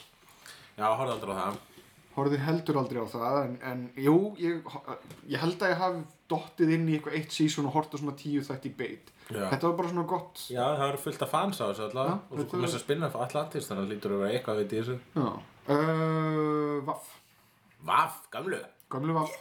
elskaði það ég manu sem þið fóru til Svíþjóðar og og- að að hanga með föðu mínum og hann kveikti á sjóvarpinu og þar var Vaff og þar var Knight Rider og það eru instantly bara ástæðan fyrir tilveru minni í þá daga ég bara, ok, hvort er Vaff eða Knight Rider í sjóvarpinu í kvöld hvílíkir, hvílíkir ævintýra dagar Manstu því þau voru að geta rottuna. Já, ég kallaði, eðlu, ég kallaði þetta alltaf eðlufólkið mm.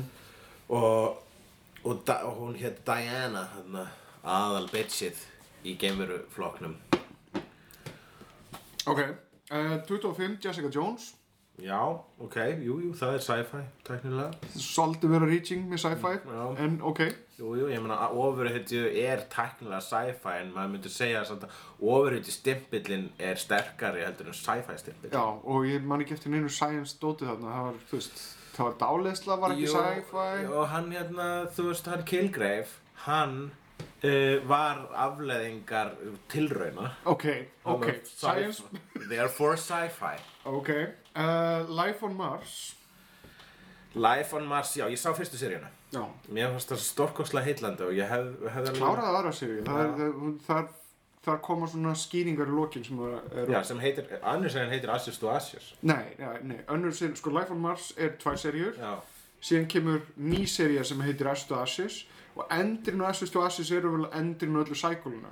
eeeeh Uh, en málið það, þeir mistu leikara og þeir fóru, fóru yfir í nýjunda ára tvíum staðin fyrir Já, uh, veistu áttunda áratuginn. aðleikaran Já. sem leikur The Master á móti uh, Doctor Who Tennant uppáhaldsmasterinn minn notabene. Já, það, finnst þið missi ekki skemmtileg Finnst þið ekki á gaman að- skemmtilegur og, og þessi master Nei, Hann- nei. þetta var náttúrulega fyrsti masterinn minn Já, finnst þið masterið þinn Manstu eftir fyrsta masterinu mínum já mm, The Flash hérna kemur, hérna erum komin á slóðir þar sem að við erum svolítið svona, Jæja við erum búin að vanrækja uh, Já, skildur okkar Vi, ég horfði á fyrstu tvo þættina Flash og hugsaði, þetta er nú bara eitthvað fyrir börn, ekki fyrir mig. ég horfði aðeins lengra en það Mm. Já, en síðan datt ég út já, þetta er, og ég, karakterinu fór í töðan ræmur, allt var einhvern veginn svona, asnaðið. En síðan er sko, ég er búinn að vera að hlusta mikið á mín, mína hefnendur sem eru Fatman og Batman, Kevin Smith og félagi hans já, að ræða nördulega hluti og hérna og hann, Kevin Smith hann er alltaf búin að leikstýra þáttum í þessu Hann er búinn að- hann, já. er, hann, er, hann er svag fyrir sko Nei, ég, það, hann er far, var fan fyrir, hann lofsingur þessa þættir, hann finnst það æðislegur og hann náttúrulega er þeir eru svolítið svona Silver Age Já, það sem ég sé, sé, sé, sé hérna, trailerinn úr öllu þessu, hérna, þessu nýja það er að koma hérna, eitthvað algjört crossover það sem allir CW C, DC þættirnir eru saman Arrow, Supergirl Flash og hérna, Legends of Tomorrow já, uh, og þetta er svo þetta er svo alvöru ofreitju já, þetta er svo takki og þetta skammast sín ekkert fyrir það og þetta er ekki að reyna að vera cool og þetta er DC-ið sem að þú vilt fá ævar ég er svolítið með þetta Já, þetta allan tímar það er búin að vera þarna Já. og við erum bara hug- búin að hunsa það já, ég veit það, það, það er samt sko, þú veist Þetta er, eh, með, þetta er með litunum björtu fyrir utan Arró sem Já. er dökkgræn Ég er kannski einmitt svolítið fordómafullu vegna þess að þættirnir mættu vera betur skrifaðir, þeir mættu vera svona on point. Þetta er, en þetta er silly en það, er svona, það, mæ, það mætti svona auka dýftina, En- pínu auka Já, dýftina. en við erum að tala um eitthvað sem við erum bara rétt hort smá á Já, en ég er með náttúrulega CW reynsluna af Smallville, ég horfði á næstu Já. allt Smallville. Já, Mér varst það ákslega gaman, það er svona guilty pleasure samt, skilur. akkurat Það er ekki, það er ekki eitthvað svona eins og Buffy þar sem að maður svona, wow, þetta er eitthvað sem að snertir með eitthvað nátt sem að ég bjóst ekki við. Já, Heldur er þetta meira svona unglingadrama og þetta verður svolítið endurtengið samt. Já en ég sko það sem að ég, mitt- ég las einhver grein um daginn það sem að eik- einhver gaur sem einhver, einhver vel skrifandi gaur sem að ég sem að ég treysti dómgreins hans sagði að þetta var þegar Luke Cage var uh, nýkomið og þá sagði hann ok, það bestu tveir ofuröyti þættirnir í dag það bestu ofuröyti stöfið í dag sem er í gangi í dag er Luke Cage og Flash og hann talaði um hvað þetta var rosalega ólíkt og hérna og, og hvað það, þá í rauninni saman representuðu þessi þættir uh, sýndu fram á hvað ofurhetju narratíf getur verið fjölbreytt Góð punktur. Það getur verið dark and gritty raunsætt eins og Netflix Marvel Mhm. eða það getur verið CW þar sem þetta er bara spandex og hei, fumböka heiminum krakkar Þetta er einn af þessum hlutum sem er svolítið erfitt að koma fólki í skilningum þegar varandi komiks bara að lesa þau. Er að þau- Þetta, þetta kemur svo reglulega út, það er svo ógæslega mikið magnaði Já. að þeir eru búin að fara í gegnum allar mögulegar tilraunir og eru stöðut að finna upp nýjar aðferði til þess að segja sögu. Já, Og það er þess vegna er, er komiks sem sagt miðillinn sjálfur. Uh, þástæðar þar sem að þú finnur svona mest cutting edge stuffið í það að segja sögu. ég var að hugsa maður, flassir færa, færa, færa betur og betur dóma sko, Það- maður skilst sem að þeir bara koma sér inn í það sem er svolítið erfitt vegna þetta er svo ha- halló Þeir eru með talandi górilu. uh, Já, ég, þeir eru með talandi góru, ég vil sjá það Nákvæmlega, þannig að þú Og veist, ég- yeah. eftir hverju þetta býða? Ætla að gefa þessu sens, er þetta Netflix? Ég veit það ekki, nei, held ekki. Mm. Uh, 22. S- Sem sagt, hérna, Star Trek uh, rip-offið Space 1999 Space 1999, já, ég sem að Jerry Anderson gerði, en þetta er, þetta er leiknir þættir. var, já, akkurat, ég sá þetta ekkert -hmm. Ég veit ekkert um þetta sjálfur. Um, 21. Quantum Leap. Það var aðeinsleir Oh boy Manstu þegar hann sagði alltaf oh boy Já. Hann sagði það alltaf Ég horfði reyndar aftur á einhver, einhver fjögur sísun af Quantum Leap bara núna fyrir þremur árum, þremur fjórum árum. Það var ógeðslega gaman. Þetta var, bara, þetta var skemmtilega þetta. Hvað er klukkan bæði við? 16.55. Ok Ég þarf að vera komin annað klukkan 6 Ok.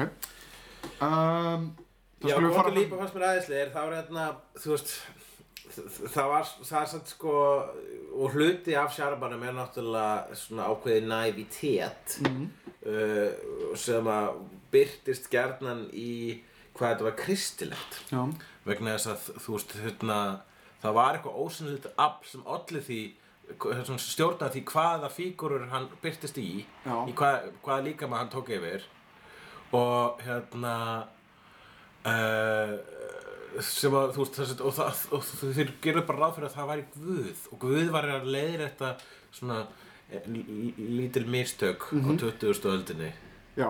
En eitt samt við þess að þætti sem að mér veist eiginlega helsti sigur þeirra og það er það að þeir, hérna, þeir auka samkjönd hjá fólki. já, Þú- vegna þess að þe- þættinni snúast bókstæðlega um það að setja sig í fótspor annara já mér fannst mm, eiginlega einn af minnum uppáhaldsþáttum þegar hann var mamma -hmm. og, og hérna sem að þurft, var svona einstæð móðir að, sem þurfti að að passa upp á fjölskyldunum sína og mér fannst líka helviti gott þegar hann var hérna gaur með Down syndrom Já, Eða þegar hann var Lee Harvey Hann leit inn Oswald. í speilinn og sagði Oh boy, oh boy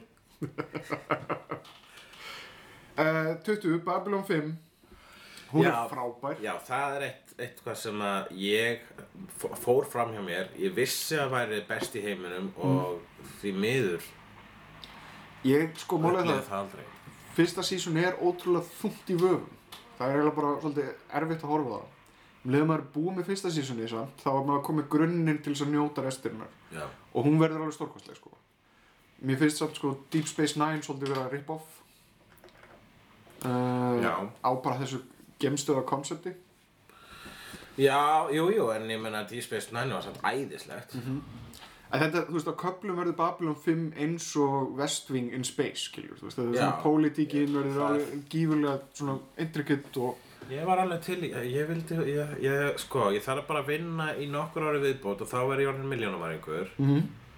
og þá ætla ég að byrja að horfa á þetta allt saman já, Um, en hérna eh, ég er búinn að ákveða það að ég er núna á 50 seríu í Next Generation -hmm. og þegar ég er búinn að því þá ætla ég að horfa á alla Next Generation bíómyndunar og þegar ég er búinn að því þá ætla ég að horfa á Deep Space Nine og ég klakka til þegar og ég vona að þetta gerist og ég held að þetta gerist þegar að þeir fara sömu leið með, uh, deep, nei, með Next Generation mm. og gerðu við hérna, eh, þú veist að Next Generation fá sínar hérna, eh, Abrams myndir já, en ekkert endur Abrams það er að segja fáið sitt reboot í bíómyndum mm -hmm. og, og, og ég I have my grievances með, við hérna, nýju Star Trek myndunar aðalega vegna þess að það eru ekkert sérstaklega mikið Star Trek hvernig fannst þér þriðja? bara fín já, mér en hún finnst er, það- hún er samt meira Mér svona fannst það sama um 1 og 2 Það var allar bara mjög fínar og skemmtilegar En þetta, er- þetta er ekki Star Trekið manns vegna þess að þetta er ekki no boring já, Þetta þarf að vera meira Til þess að vera alveg Star Trek það þarf að vera pínu boring já, Uh, þetta er aðalega bara, þú veist, hvað, þú veist, þú veist, fljúa um geiminu í einhverjum svaka aksjónatriðum og hlusta á Beastie Boys. Það er ekki staklega Star Trek. Beastie Boys er minnst Star Trek hlutir í heimi. Ég reyndi að finna eitthvað hlut sem er minna Star Trek heldur en Beastie Boys. ok, Getur það ekki? nei herðu, nummer 19 uh, The Quatermass Experiment 1953 Já, ég veit ekki hvað það Ég er. held að þetta sé eitthvað svona, þú veist, uh, vita, þú veist, láta eitthvað, eitthvað orustu skip hverfa, ég man ekki, Já, byrju, var það... Ha? ég veit ekki, ég veit ekki um þetta, sko. Málega Hét það, það, var það ekki bíómynd? Ég sá bíómyndina það sem við letu skip hverfa. Það var geðug bíómynd. já, ég held að þetta sé samt byggt á einhverju svona, einhverju urban legend, en það geti verið að ég sé að ruggla saman, ég hef nefnilega þekki ekki nefn- neitt um þetta. þessa seríu. En stendur ekki eitthvað um þetta? Um, la la la la, created by sci-fi, how, bla bla bla, Bernard Quatermass, a professor with a keen interest in extraterrestrials, uh, la la la, Já, þetta er ekki það. það er ekki alveg lýsing á þessu hérna. Nei, en það eru einhver geimverur í, í skipið hverfa myndinni. Nei, það kemur ekkert fram. Nei. Um, átján, Dollhouse. Uh, Ok, ég horfði að hálfa seríu kannski. Og þetta uh, var náttúrulega cancelað og þetta var... Það sem var mjög leðlast við þetta var þetta var Joss Whedon án húmórsins. já, já, þetta var ekki fyndið. Já, Þetta já. var, mér mér finnst þetta svolítið bara þungt í vöfum. Joss Whedon, sko, eins yndislegur hann er, hann er með svolítið mikið þörf til að sanna sig Mm. að, hans, að hann sé ekki eins og allir halda að hann sé. Já, hann sé Það er alveg hans besta Dót Kim fæðist einmitt frá okkur svoleiðis eins og til dæmis hann gerði höst þáttinn þar Mm. sem enginn talar í, í Buffy góðu þáttur svo. Já, frábæra þáttur, hann gerði hann vegna þess að allir voru að tala um hvað hann skrifar frábæra díóloga og hann bara, Mm-hmm. öh, ég get líka að skrifa eitthvað með engum díólogum og það er líka frábært Já. og ég held að hann hafi verið að gera Dollhouse bara, ég get alveg gert ófyndið dót og það er líka frábært Ég er samt þegar á tilfenginu meira að þú veist að hann hafi bara gert þetta, sko þetta er, mi- þetta er hugmynd sem hann finnur upp á með Elísu Durská, sem Já. satt aðalekunni. Já. Hún er að pródúsera þetta og ég held svolítið bara, þú veist, ég finn ekki fyrir einhvern veginn hjartanu í hann hjartanu hans í þessu Nei. það er, Þetta þetta er er, þetta er bara svolítið del, döl þetta er aðalega döl sem Ekki að er segja skrítið að Dusko hafi döllað þetta. pínu, Döllaði Dusko. ég meina hún er Döllaði Dusko. ég held hún sé ekki nógu fjölhæf leikuna til þess að pulla off að geta leikið öll þessi hlutverk mér finnst það ekki Ég veit ekki, mér, já, ég veit ekki, kannski er hún ekki fjölhæf en mér fannst Faith alltaf frábær. Hún er, ég eiginlega var með mesta bóninu fyrir henni af öllum karakterunum. Já, ég veit það, en þú ræður ekki Arnold Schwarzenegger til þess að leika Hamlet nema þá að þú fáir Jú. Arnold Schwarzenegger Hamlet Já, og það var hérna, það var eins og sem við fengum með Diag, uh, Last Action Hero. Já, rétt, rétt. En ég, við við erum að tala um það að þú farið ekki breytt í leikstíl eða, eða Það var tjáning. mikla breytt í Arnur Svarsnegur, hefur séð axlina hans. Mjög breyða. Og kjálka. Uh, númer 17, uh, þinn besti vinur þessa dagana, Star Trek The Next Generation. Númer hvað? Númer 17. 17? Það er ekki til 16 betri þættir en Next Generation. Og ég var að sjá. Já, ok. Ég, ég held, mig grunaði sterklega að næstu bara 16 verði bara þú. Þetta er grunnulegt. Herðu, 16 Torchwood. Já, herðu, ég er í miðju tossúti. Það er ógslag gaman. Ógeðslega gaman. Það er, það er Doctor Who með kynlífi. Já. Það er Doctor Who fyrir fullorna. Það er- það er samt svo skrítin, skrítin balans í þessu fyrsta sísonu vegna þess að það er svona, það er ennþá að reyna að vera batna en, en, en er samt skilur þú veist með sexið það er svona skrítin bland einhvern veginn en mjög skemmtileg Það er mjög brest. og já, og Torchwood er náttúrulega um, umorðun á Doctor Who Jú, það er stafarögl á Doctor Who. segi segi, Seg, seg. Fringe Já, ég s- s- horfði að byrjun á því. Það voru margir í, í, í því. ég kláraði Fringe og mjög sko en þetta byrjaði sem svona X-Files Mm. en síðan sem sagt kynntu er inn þessa, þetta koncept að þetta væru sem sagt hliðstæðir heimar að reykast á Já. og uh, það svo stærri saga var það flott Já, ég var ég alveg til í að... Ég ætla að gera það þegar ég er hann miljónum erður. Mm það hafði flottan svona emotion center 14, Lost Já, ég kláraði það ekki. ha, ég kláraði það líka það var svolítið ströklindur lest Ég kláraði svo fátt í sjóasklápi. Mm. Ég, ég byrst forláts. uh, Skammast mér. 13, Astro Boy Já, já, það er nú ekki hægt að rífast í það. 12, Utopia eða Utopia Já, betur, Eh, þú ert ég, ekki bara að horfa á það þannig ég er ekki búin að horfa á setni sér hérna. hún, hún, hún er gæðveg sko Hún er geðveik. já, Ég var verða hægt að hlusta á fólk. Hvað er- Einhver sagði að hann var léleg, en það var bara einhver svona neikvæður Facebookari. já, Ah. Já, já. æ, fólk getur það fokka er sér ó- ólíkt mér að hlusta á neikvæða Facebookara. það er ógæslega gaman reyndar að mynd Útopía var æði. Það er ógeðslega fyndið sem þú sjá, ertu búin að kíkja á Dirk Gently's Holistic Detective Agency nýja sem að hann Max Landis er að gera Hún er undir rosalega miklum áhrifum af Utopia Já, hver leikur aftur í því? uh, Elijah Wood Já, akkurat. og síðan Bunch of Nobodies Já, ég ætla að tjekka á því maður. Hún er samt, hún er ekki af góðu Utopia Þótt hún sé undir áhrifum. Utopía. um, Ok, næsta er Orphan, serið sem Orphan Black Og frá Black, já. Serið sem ég hef ekkert kent mér Nei, hún er á vátslistanum mínum. Veistu það, við erum mjög lélegir. Nú, a- að horfa á. Ég, við erum að tellja upp hluti sem við erum ekki hort á, Það er basically. allt í lagi. Við við erum búin að horfa á fullt af tótt Við erum búin að, við- ég finnst við ekki vera nóg nördalegir, Ævar. uh, við höfum bara x mikinn tíma í heiminum og við þurfum að gera aðra hluti með það fram en við erum helviti duglegir þrátt fyrir það Já, er það? já, já Ok. Fyrst Hm. ég, þú- var, ég, myndi, ég myndi dásta manninum sem, að- sem að geti dekkað allt sem er á þessum lista Já, fyrst að þú stegir það, minn, minn grái vinur. Outer Limits, Já, það er svona Twilight Zone það er serían. Twilight Zone, já. Þú Ég- gera það ráð fyrir að Twilight Zone sé fyrir ofan það. já, já, ég hef hort að slatta þessu, þetta er óslega gott Black Mirror er númer nýju. Já. það er, þú veist, Black Mirror er það besta í sjóarbi í dag fyrir utan Game of Thrones. hinn sanni arftæki Twilight Zone já, fram úr stefnulegt og það var þá Já, þetta er sko, það er, það- málið er það sko, það sem er mest ógnulegt við eh, Black Mirror að það er framúrstefnulegt en á sama tíma ekki vegna þess að allt, það er alltaf að spá fyrir einhverju og það verður alltaf raunverulegt satt og raunverulegt. Já. Þetta er, já, en en í rauninni þá er það líka, þú veist, að eins og allt gott sci-fi, það var að speilmynda nútímanum og hvílík speilmynd. uh, númer 9, nei fyrir ekki, númer 8 Blah. Í Buffy the flugurnar. Vampire Slayer Já, ok, það er sci-fi. Nei, Já, það er eh, ekki sci-fi. En þeir aftur á móti eru með mynda við hérna, Adam hérna. Ó, og að sem er mest leim vondi kallin í Buffy og er að gera það að sci-fi út af Adam. Mm Mhm. -hmm. Vistu það, ég... ég, Ég, ég, þeir þetta er eitthvað ekki heima. Nei, Ég er Buffy með er hérna. fantasía, það er vampýrur og galdrar. Það Mhm. er fantasía. -hmm. Það er ekki sci-fi og hana nú. Nákvæmlega. Firefly, Já, það er sci-fi. það er sci-fi. Það er vissulega sci-fi. Já, ég er búinn að sjá það á seríu kannski þrísvar. Já. og uh, það er svo dásalegt Já. Ekki jafn mikil Firefly aðdáðandi og allir aðrir er einhvern veginn.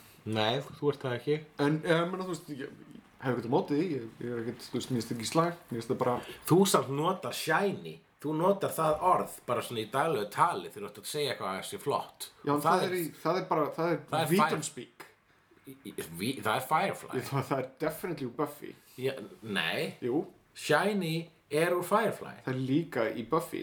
Nei, Ójú. nei, þeir segja shiny kannski segja einhvern tímann shiny einu sinni í Buffy eitthvað en shiny bara svona, er bara eitthvað sem segja oft bara í hverju þætti Ok, þá, í Firefly það er bara svona þetta er ekki, þetta er ekki, já, ok, mögulega, það getur verið. já. En mér, Jarðarbúar. mín, tenging, mín tenging við þetta er að þetta er, þetta er vítonísk, sem sagt, Ég vítonísk, veit ekki af hverju þú færi Orðanotkun. Þú ert að, vi- vi- vi- þú ert að vitna í frábæra þætti já, en mér, ég, mér finnst eins og þetta séu Buffy frekar heldur en, heldur Það en er bara Firefly. ekki rétt Og ég byrð jarðabúið um að staðfesta þetta Svo ég haldi ekki að ég sé brjálaður mm. En ég er viss um að Shiny sé Firefly orð frekar en Buffy orð Um, endilega komið komment á, á hefnundasíðuna. Já uh, á Facebook hérna, sjötta sæti, The X-Files Mm. Mhm. það er náttúrulega bara, bara X-Files held ég að hafa breytt lífum hans á, á, á tímanbili Já indislegt 50, uh, The Prisoner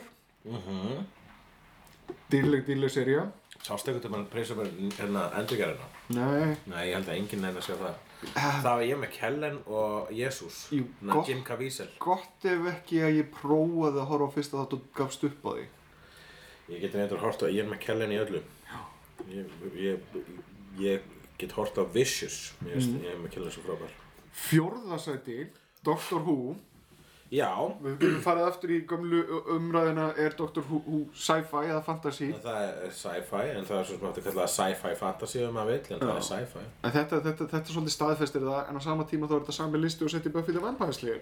Já, já, en það sannar ekki neitt Ég meina, Doctor Who er sci-fi, það er tímaferðalög, það eru vélmenni Mhm. Rétt, rétt, rétt, rétt. Og fler, margt fleira. það er aldrei galdrar Já. einmitt. Galdrarnir eru alltaf bara eitthvað electromagnetic bla bla Ok, þið- það eru, það eru hundra þættir af hefnendum þar sem við tökum þetta fyrir. Já Þegar þeir eru vampýrur þá eru það geimurur Mhm. mm. Með sko, Geimvampírur. konseptið með sko uh, gjarnan er sko uh, Dr. Who Finnur eitthvað sem að eru töfrar en finnur síðan lógiska Já, vísindaútskýringar. reverse Scooby-Doo Mhm. Þau finna hérna eitthvað Það er eitthvað svona Nei, það galdrar er, það er bókstalli á Scooby-Doo. Nei, sko, Scooby-Doo sannir alltaf að það var bara eitthvað venjulegt og eðlileg útskýring Mhm. En Dr. Who það er alltaf bara eitthvað miklu ótrúlegra sem er útskýringin Mm, ég skil þig, ég skil þig. Ok. En það er líka alltaf sci-fi er svarið Já. Uh, Þriðasæti, Battlestar Galactica. Jú, jú, það er svo sem ekki hægt að rífast við það. Það eru storkuslegir þættir og, og, uh, og, og, og storkuslegir einnig. Uh, númer 2, The Twilight Zone og númer 1, Star Trek Já. Ég meina Engir að vikur- Next Generation er betra heldur en Original Star Trek en uh, ég meina Original Star Trek er Original Star Trek. mm -hmm. og ég meina Black Mirror er betra en Twilight Zone en Twilight Zone var betra þá Já. Jú, hvað finnst þér einmitt um það? Myndur þú segja ennþá til mis að Blazing Saddles sé einn besta grímynd alla tíma? nei, ég myndi, myndi bara ekki, ekki láta mig detta því hug En þegar hún kom þá var hann best, þá var bara svona tímamóta mynd í gríni. -hmm. Þannig að hvað? tímandi breytast og menniti með það er ekkert Ef flókið samkvæmt sko. þér þeirri lógík þá ættum við þá ekki að taka það gott og gilt að Twilight Zone sé betra en Black Mirror og Star Nei, Trek en ég og meina- Original sé betra en Next Generation. þú veist, maður setur sér í stellingar gagvart svona hlutum maður, maður, maður gerir sér grein fyrir að þetta er hlut af einhverjum tíma og maður kann að meta það út frá þeim forsendum Já, en, en samt. En það er ekki jafn, Bara það velja vekur og ekki hjá hafna. þér vekur ekki hjá þér jafn mikla svona umbyltingu á, á, á, á svona heim, Þannig að þegar við heimsmyndinni tölum um s- s- s- sjóasætti, sci-fi sjóasætti, Mhm. þá eh, er mikilvægi þáttarins betri eldur en hversu vel hann eldist. Já. Það, en þegar við tölum, áhrifin telja vissulega þú veist. en þegar Þegar við það- tölum um gafamyndi þá er það, þá er svo lókik ekki í gangi. jú, jú, alveg, alveg það Þannig er að ef ekki, þú myndir gera top 10 lista, myndir ekki setja Young Frankenstein á hann, eða myndir það fyrir eftir því hversu góð myndin er og hvers, hvernig hún ber sér saman við aðra myndir sem ég finnst finnari eins og til að mynda, ég myndi alltaf velja að þessi Spinal Tap Já. á undan Jón Frankenstein Já, ég myndi setja svona lista saman, þá myndi ég myndi ekki vera að spá í mikilvæg, sögulegu mikilvæg en eins, hvorki sem, hvorki Mhm. Þetta er alltaf persónulegt. Sjóastætti eða bíómyndir. þetta er alltaf fólkin persónuleg Já, þetta er allt persónulegt, minn grái vinur. mm, hættu þessu en þetta dreinu, Rick and Morty er ekki á þessum lista Herru, þá er þessi listi ógildur. uh, nei, ég- málið er það, að ég vil bara einfalda taka út Buffy og setja eðna, Reykjum Morty í staðinn. já, Samþygt. þetta er enda frá mæ 26, 2016 þessi listi Já, ok. Er ykkur- Bless.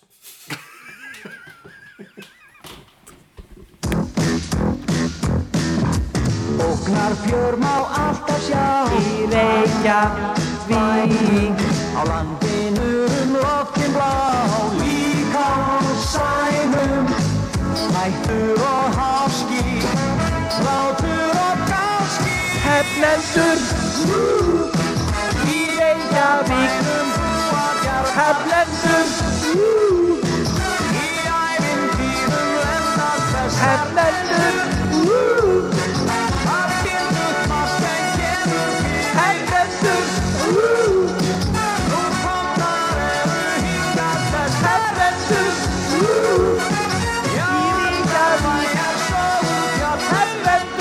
Woo! Þú finnir fleiri skemmtilega alvarpstætti á nútímin.is. Takk fyrir að hlusta.